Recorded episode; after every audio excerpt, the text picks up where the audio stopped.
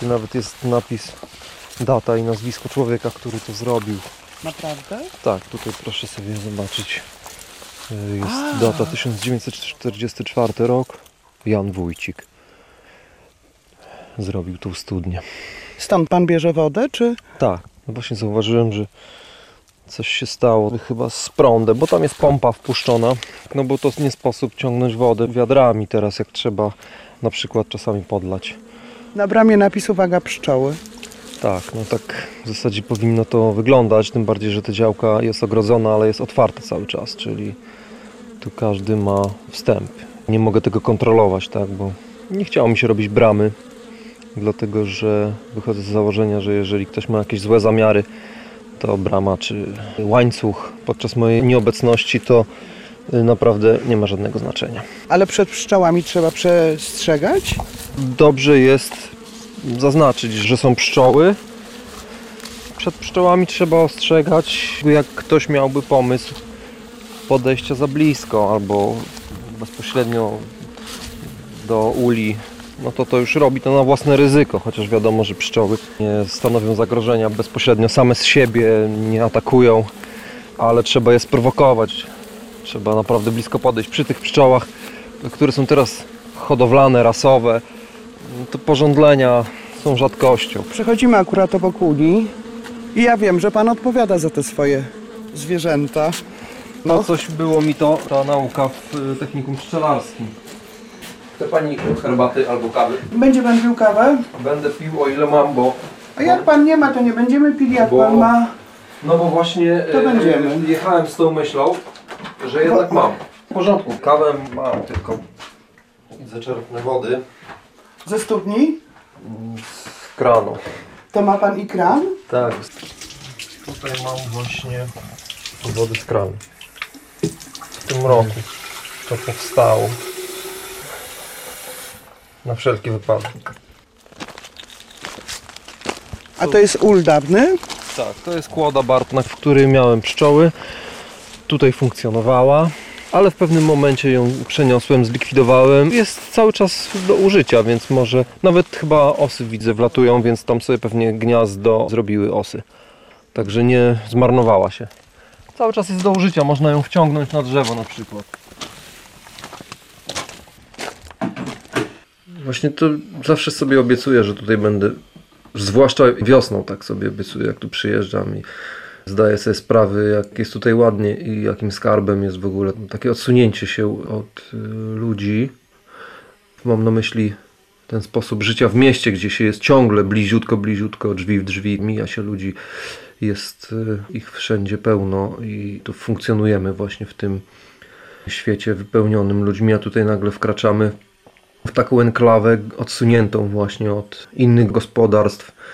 Przyjeżdżają działkowcy, ale też każdy jest zajęty wypoczynkiem i, i swoimi sprawami, więc tutaj można naprawdę wypocząć, ale szczerze mówiąc korzystam mało z tego miejsca. Przyjeżdżam tu głównie ze względu na pszczoły.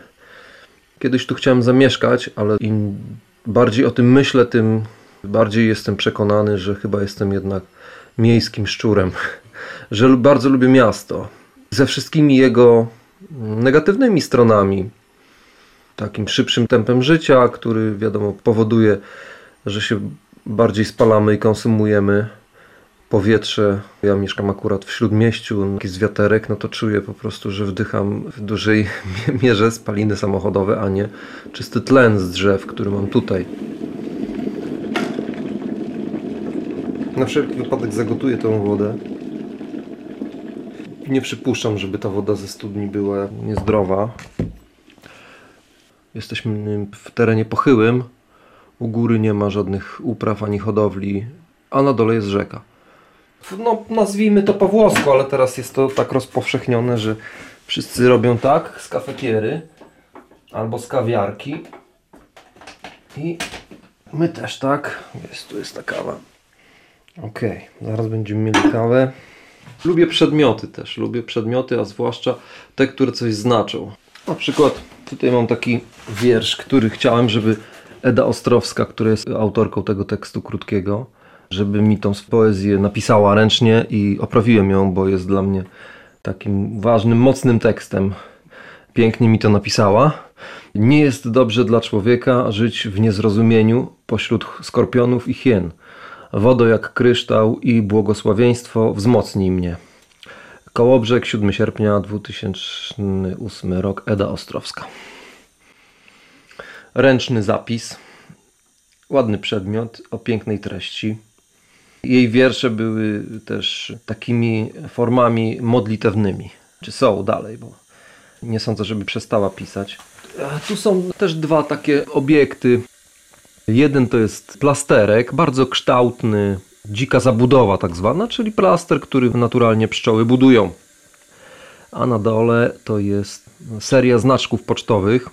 Ukraińskie znaczki to pokazuje różne pszczoły, robotnicę, która zbiera nektar, robotnicę, która zbiera pyłek. Później jest matka pszczela, jest truteń i jest też znaczek, który pokazuje, co robi się z produktami, czyli że jest miód, że jest napar z kwiatu lipy, że jest miód pitny, a wokół to, co widać, to są historyczne przedstawienia, jak właśnie w Europie Środkowo-Wschodniej, Wschodniej gospodarowano w czasach zamierzchłych, czyli kłody bartne, drzewa bartne i niedźwiedzie. Tak.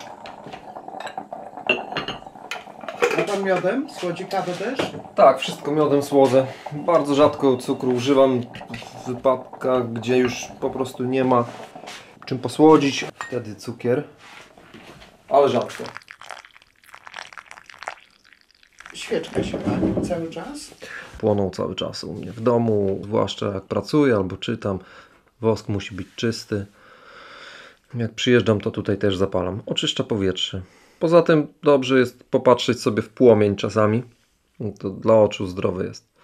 Płomień świecy z wosku pszczelego, bo nie każdy płomień jest y, taki pozytywny dla oczu. Mówi się, że jonizuje mm, powietrze i że oczyszcza fizycznie, wypala jakieś y, rzeczy, które się unoszą. Świeca oddaje też to, co jest w wosku, bo wiadomo, że się spala i unosi, tak? I jeżeli palimy niewłaściwą świecę, na przykład z parafiny albo innych jakichś tam ropopochodnych czy szkodliwych, no to, to wszystko to mamy w powietrzu, w domu.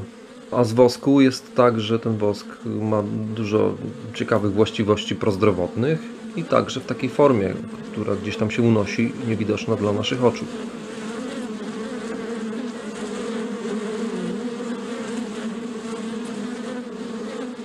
Pszczołami to było tak, że kiedy miałem niewiele ponad 10 lat, może 12, to bardzo się przestraszyłem i w wyniku tego poważnego zdarzenia wówczas dla e, chłopca.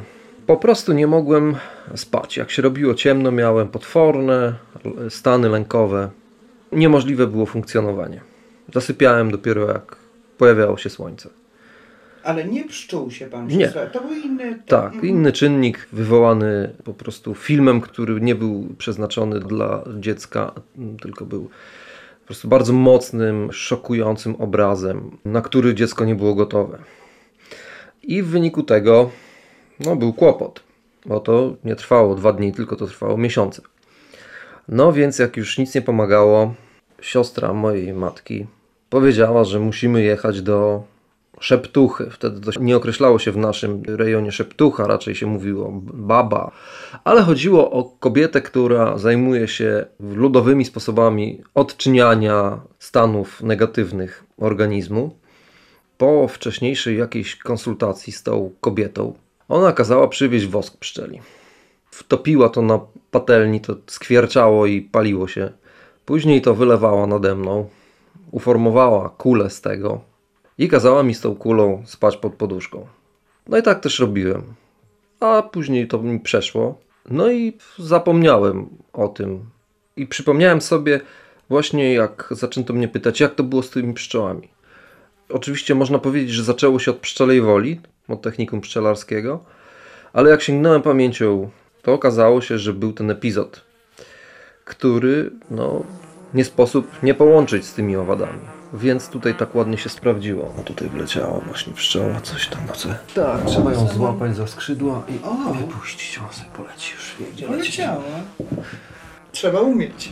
Trzeba umieć złapać za skrzydła, tak. Ale i że od razu, tak, ciak, że jej pan nie skrzywdzi. No bo ona już tutaj nieraz wlatywała na pewno i wie, że po prostu trzeba wylecieć. Ale się stąd. nie zezłościła. Nie, nie. Na początku jak ją wziąłem, no to się zezłościła.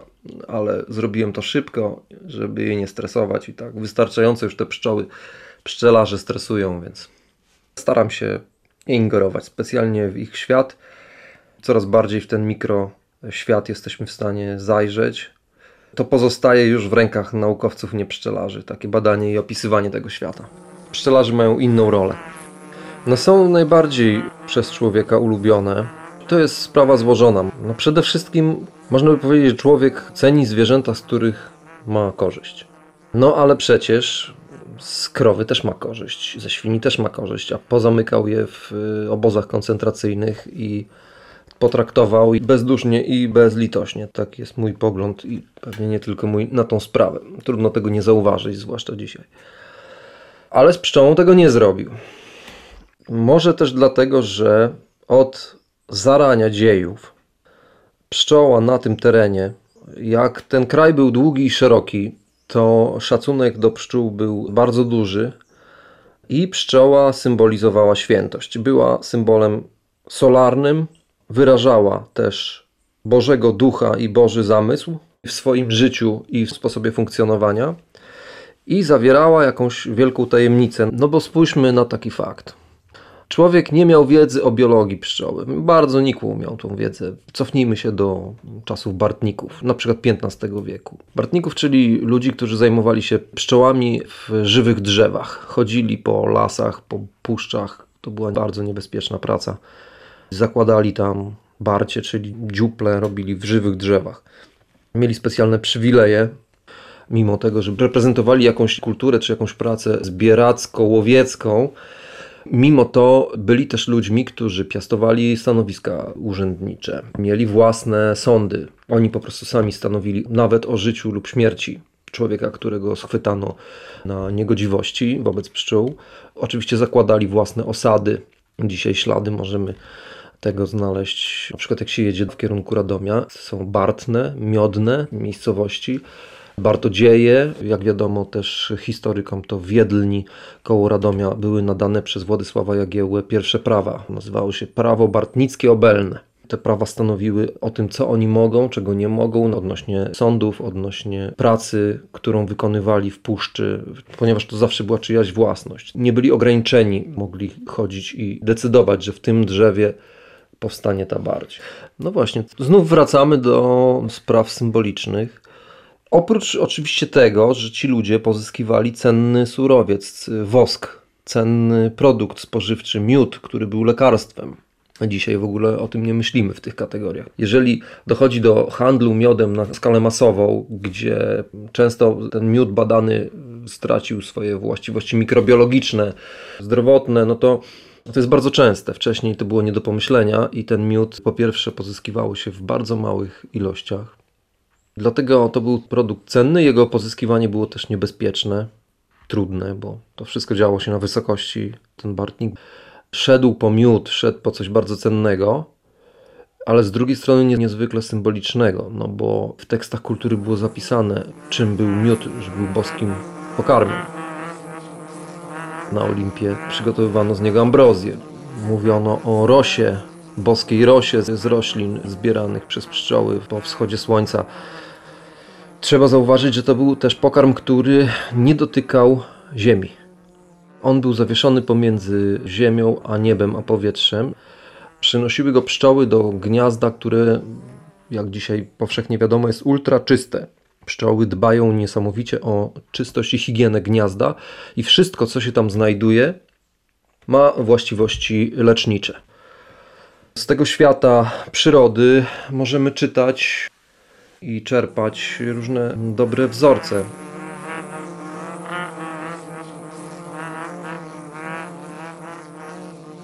Ja jako pszczelarz pracuję ze zwierzętami, jest to też hodowla, każda hodowla jest związana z, z, tym, że czasami się to zwierzę po prostu zabije. Każde otwarcie ula związane jest z zabijaniem. Elementy ula są ruchome, daszek jest zdejmowany. Ramki, w które trzymają plastry, są przesuwane.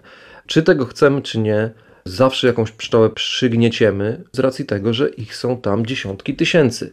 Pracujemy z olbrzymią ilością owadów, których nie skontrolujemy. Taki idealny stan byłby możliwy wtedy, gdybyśmy po prostu zostawili je i pełnili rolę obserwatora. Wtedy nie bylibyśmy pszczelarzami. Osa akurat. To osa? Tak. Bardzo też fajne zwierzę, tylko ono nie daje się tak oswoić i jest dzikie. Żywią się organicznymi, różnymi tkanką zwierzęcą, owadami innymi mniejszymi, czy nawet jakimś mięsem znalezionym. Jest mniejsza, smukła, ma inne kolory, inne kształty. Właśnie to jest też ten element Dlaczego lubimy pszczoły, a nie lubimy os? Oczywiście owady były zawsze dla człowieka problemem i człowiek miał po prostu podziurki w nosie, ciągłego obganiania się od tak zwanego robactwa. I to robactwo było czasami po prostu bardzo niebezpieczne. Stąd jak widzimy coś, co ma wiele odnóży, no to po prostu niektórzy aż potrafią krzyknąć, tak, bo zobaczą pająka. Ale jak widzimy pszczołę, to nie mamy tego. Pszczoła ma inne kształty, ma bardziej przyjazne kształty. Jest okrągła i puchata. I te obłości jej ciała są w dużo większym stopniu niż właśnie osy czy szerszenia, które są ostro zakończone. Nasza psychika inaczej reaguje na osę, a inaczej na pszczołę. To tak mi się wydaje. Jest jeszcze jeden ważny taki element, dlaczego tą pszczołę traktowano tak poważnie jako symbol. Zastanawiano się, jak to jest, że ona przeżywa zimę. Do dzisiaj jest tak, że zima jest postrzegana jako ten najbardziej niebezpieczny okres, czyli wchodzenie w mrok i wchodzenie w, w ciemność, wchodzenie w inny świat. Życie zaczyna cykl niebezpieczny, który trzeba przetrwać. Nie wiadomo, czy się go przetrwa. Pszczoły to odzwierciedlają. Nie wiadomo, co się z nimi dzieje. W gnieździe sobie bytują, ale właśnie po to, żeby z pierwszymi promieniami słońca wczesną wiosną wylecieć z powrotem i co robić? Roznosić życie. Mimo tego, że one mieszkają w ciemności, są zwierzętami solarnymi, bo pracują razem ze Słońcem. Lecą w kierunku Słońca, wznoszą się w górę, nie schodzą pod ziemię. Nie znam większego symbolu, bardziej działającego na człowieka w kierunku właśnie pozytywnym tej sfery dobra, sfery światłości niż pszczoła. Najstarsze ślady, jakie znajdujemy Rysunki naskalne już przedstawiają kooperację człowieka z pszczołą. No muszą tą temperaturę powyżej 20 stopni utrzymywać w zimie. Oczywiście ona jest zróżnicowana, bo w środku kłębu jest najcieplej, tam gdzie jest matka pszczela i tam gdzie od czasu do czasu pojawiają się jeszcze jakieś jaja, więc tam musi być ciepło. Te pszczoły mają taki system rotacyjny, że te, które się zmęczą już ogrzewaniem na zewnątrz kłębu, gdzie jest na przykład kilkanaście stopni, idą do środka kłębu, a te ze środka wychodzą na zewnątrz. I tak ruch skrzydeł i ruch ciała powoduje tą temperaturę, tak? Czyli muszą mieć pokarm do tego, żeby się ruszać. Właściwy pokarm.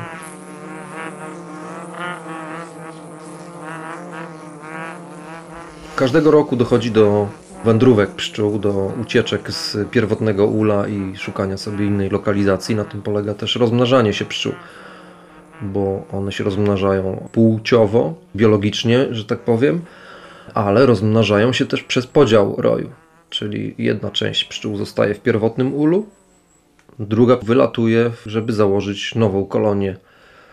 Hodują matkę. Pszczoły, i tu znowu wracamy do kwestii symbolicznej Gdybyśmy pomyśleli o samym sposobie, mechanizmie funkcjonowania, utrzymywania się pszczół przy życiu, pszczoły są organizmem nieśmiertelnym, są nieskończonym organizmem, który potrafi sam siebie utrzymać. Osobniczo one umierają, natomiast cały czas żyją w cyklu, który jest regulowany przez słońce.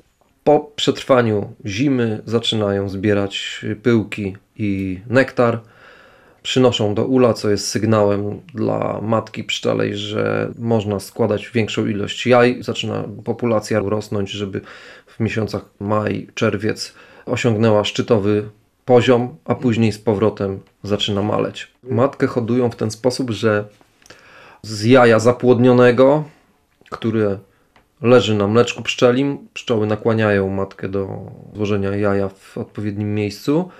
Wcześniej budując rodzaj kielicha, taką miseczkę, mówi się miseczka matecznikowa. Matka pszczela składa tam jajo i pszczoły zaczynają od tego momentu to jajo karmić. Cały czas mleczkiem pszczelim, dbać o nie w miarę wzrostu jaja, później larwy i przepoczwarzania się już dorastającego osobnika, powiększają cały czas matecznik, ten woskowy kokon, żeby go w pewnym momencie zasklepić, zamknąć i czekać, aż y, powstanie młoda matka, aż osobnik właśnie wygryzie się i zacznie funkcjonować jako matka pszczela. I wtedy ze starą matką co? Albo dochodzi do rójki, czyli stara matka wylatuje z częścią pszczół i szuka innego miejsca, albo dochodzi też do wymiany, czyli pszczoły wyrzucają albo zabijają, okłębiają, odcinają tlen duszą matkę, wywlekając ją za ul i wyrzucają ją z ula, a młoda matka zostaje i funkcjonuje i przejmuje jej rolę. Z jaja niezapłodnionego rodzi się truteń. Jajo jest większe, w związku z tym komórki muszą być większe dla czerwiu trutowego i wyrasta osobnik, który jest zdecydowanie o innych kształtach, inne też możliwości fizyczne w związku z tym. I jego celem jest przemieszczanie się, wlatywanie do różnych uli i w, w efekcie zapładnianie matek pszczeli. I jest eliminowany później okresem jesiennym. Są wyrzucane trudnie, chociaż nie wszystkie, bo też mm pszczoły też zostawiają sobie na zimę. To nie jest tak, że pozbywają się wszystkich. Wydaje mi się, że to życie jest tak zadziwiające w takiej postaci, która bardzo często jest skrajna, zaprzecza czasami, potrafi być i piękne i przerażające. To jest na tyle ciekawe, że człowiek powinien znajdywać czas na to, żeby starać się myśleć nad swoją rolą w świecie, swoim stosunku do tego, co małe i do tego, co wielkie, nad czym kontrolę posiadamy i czemu się musimy poddać. Takie rzeczy zawsze mnie fascynowały, myślenie i obserwowanie życia. I zdałem sobie sprawę, że to wszystko istnieje w, w przyrodzie, że w przyrodzie jest ten zapis tajemniczy, że w przyrodzie jest ten zapis boski. Życie powstaje i życie zamiera w nieskończonej ilości codziennie. I te siły witalne, które potrafią się zmieniać i być siłami mrocznymi i uśmiercającymi, dotyczą zarówno tego człowieka, jak i zwierząt i roślin, wszystkiego co żyje.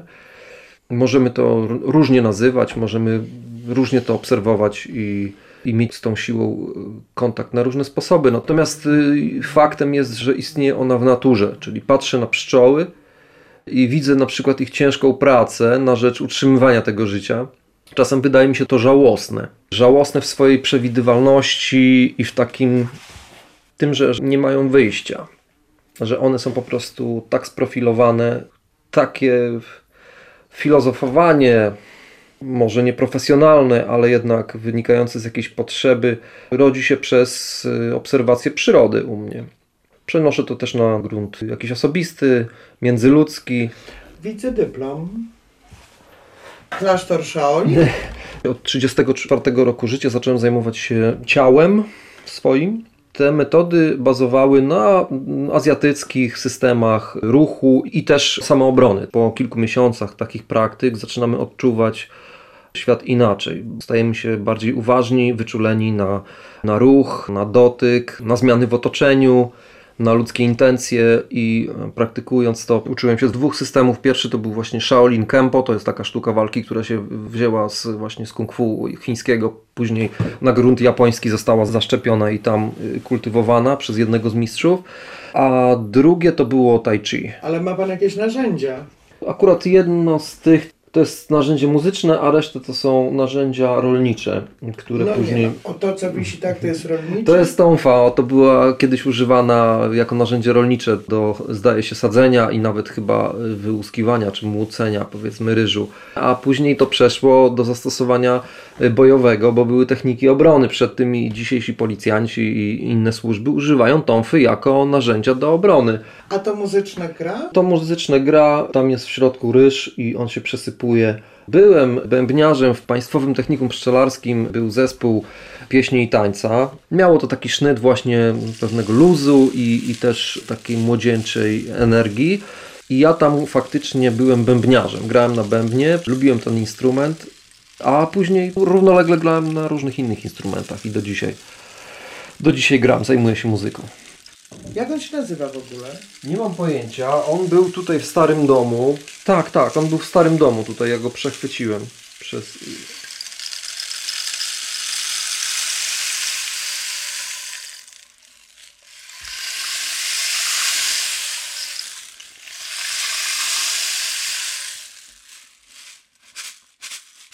Staram się czytać, ćwiczyć fizycznie, wychodzić do parku ludowego i tam przez godzinę, półtorej godziny ćwiczyć. Po ćwiczeniach patrzę w rzekę, idę nad rzekę i jeszcze sobie odpoczywam, patrząc przez kwadrans płynącą w rzekę, czy tam w tą roślinność i owady, które są nad Bystrzycą. Bardzo zresztą ciekawe.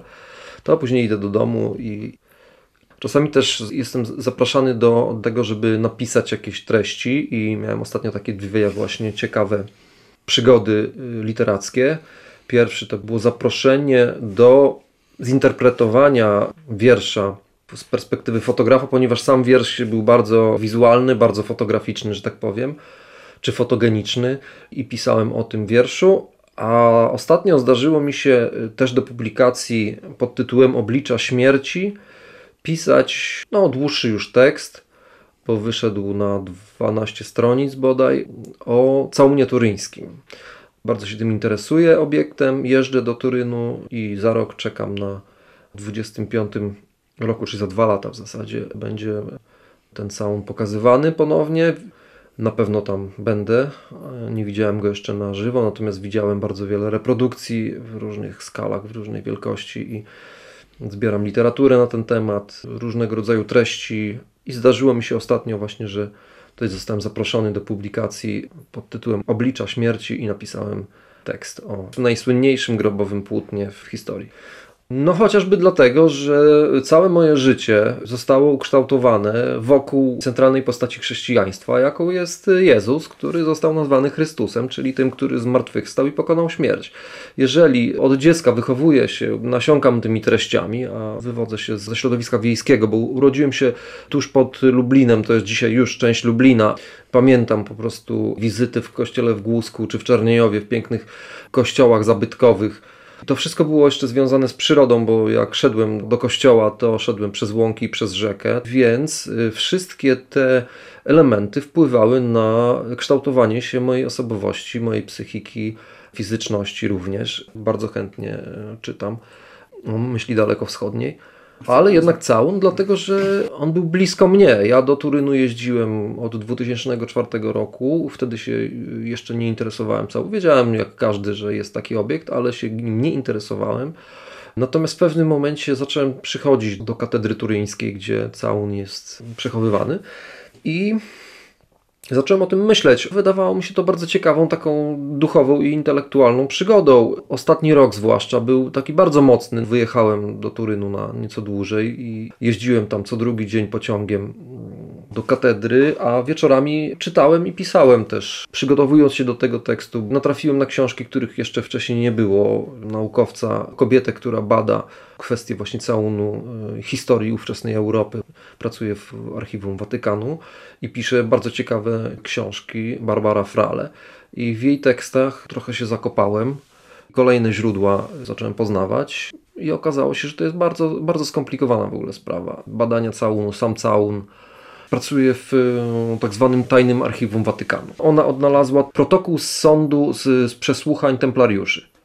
I ona ten dokument odnalazła i go opublikowała i oczywiście komentowała go. Dlatego też templariusze są jej konikiem. Ona pisała właśnie w kontekście też całunu turyńskiego, bo wiele wskazuje na to, że przez te 150 lat y, od upadku Konstantynopola do ponownego pojawienia się całunu w XIV wieku, no to no to nagle się okazało, że prawdopodobnie mieli go templariusze. Ja nie praktykuję chrześcijaństwa w sposób czynny, to znaczy nie jestem katolikiem chodzącym do kościoła po prostu. Urodziłem się, zostałem ochrzczony i i wychowany w tej tradycji, natomiast w toku różnych poszukiwań i tego, że każdy człowiek y, powinien weryfikować samodzielnie i brać odpowiedzialność też za swoje myśli i decyzje, no myślę, że ma do tego prawo, żeby różne poszukiwania na różnym obszarze prowadzić. Mi się wydaje, że uciekając od wartościowania, czy próbując od, od tego uciec, powiedziałbym tak, że to życie jest tak tajemnicze i tak jednostkowe, tak niepowtarzalne, że że patrząc na to, co mnie otacza, na inne życia, czy to ludzkie, czy to zwierzęce, czy to roślinne i tak dalej, znając naturę tego, że ta natura wcale nie jest dobra. Ona jest tak samo ciężka dla każdego jednego istnienia. Jest po pierwsze fakt tego, że to się odradza i to umiera, jest faktem bardzo męczącym. Jeżeli odnajdujemy piękno i harmonię w przyrodzie, to ja czasem widzę to piękno jako upiorne jako ciągłe powtarzanie się, jako pułapkę.